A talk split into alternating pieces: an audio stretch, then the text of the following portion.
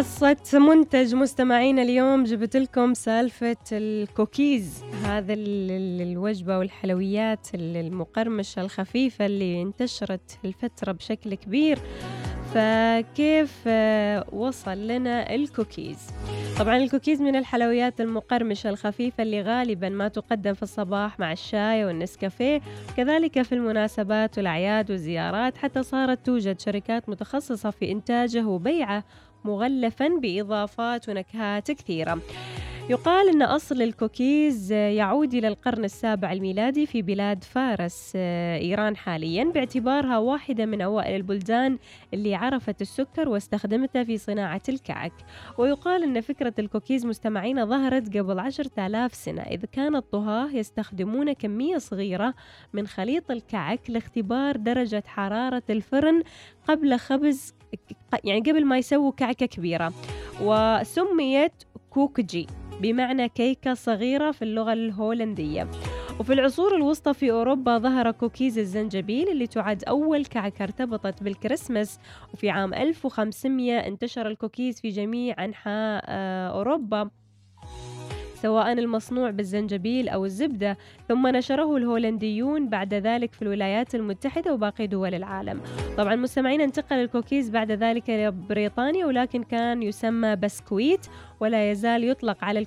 الكوكيز مصطلح بسكويت حتى الآن وفي عصر النهضة ظهرت العديد من الكتب اللي اشتملت على وصفات كثيرة لصناعة الكعك والكوكيز وبفضل الثورة الصناعية تطورت صناعة الكوكيز فأصبحت هناك مصانع خاصة به حتى بعد أن كانت تتم صناعته يدويا في المنازل.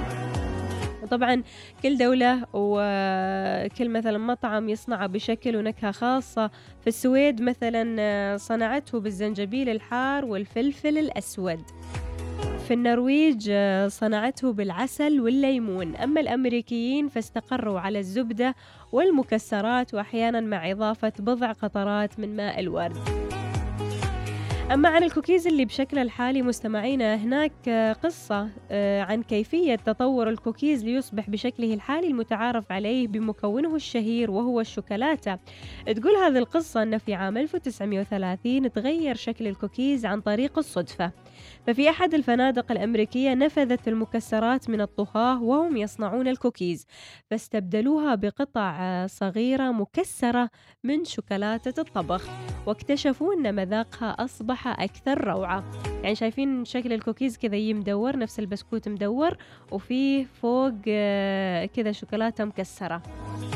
أو كذا مثلا أربع نقاط لونهن أسود غامق. وطبعا هذه القصة أشبه بالرواية الأكثر شيوعا عن أصل الكوكيز واللي ترجع آه، تطويرها للصدفة أيضا على يد السيدة الأمريكية روث ويكفيلد وهي كانت آه، طابخة حولت منزلها إلى فندق وبداخل هذا الفندق مطعم يحمل اسم تول آه، وطبعا قامت بإعداد وجبات للسياح والسكان المحليين. أيضا في عام 1939 حاولت ويكفيلد صناعة الكعك بإضافة قطع الشوكولاتة إلى الخليط آملة أن يذوب ويتحول الكعك إلى اللون البني. ولكن القطع ظلت مثل ما هي ليتم صنع أول كوكيز بقطع الشوكولاتة بمحض الصدفة باسم تول هاوس كوكيز المقرمشة بالشوكولاتة.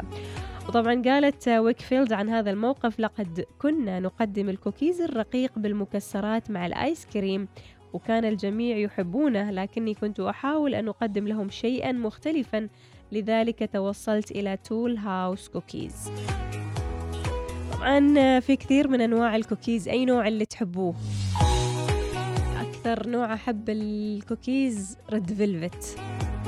أحس طعمه حلو. كنت ما أحب الكوكيز أمانة لكن بعد النكهات اللي صارت تضاف إلى الكوكيز صرت أحبه.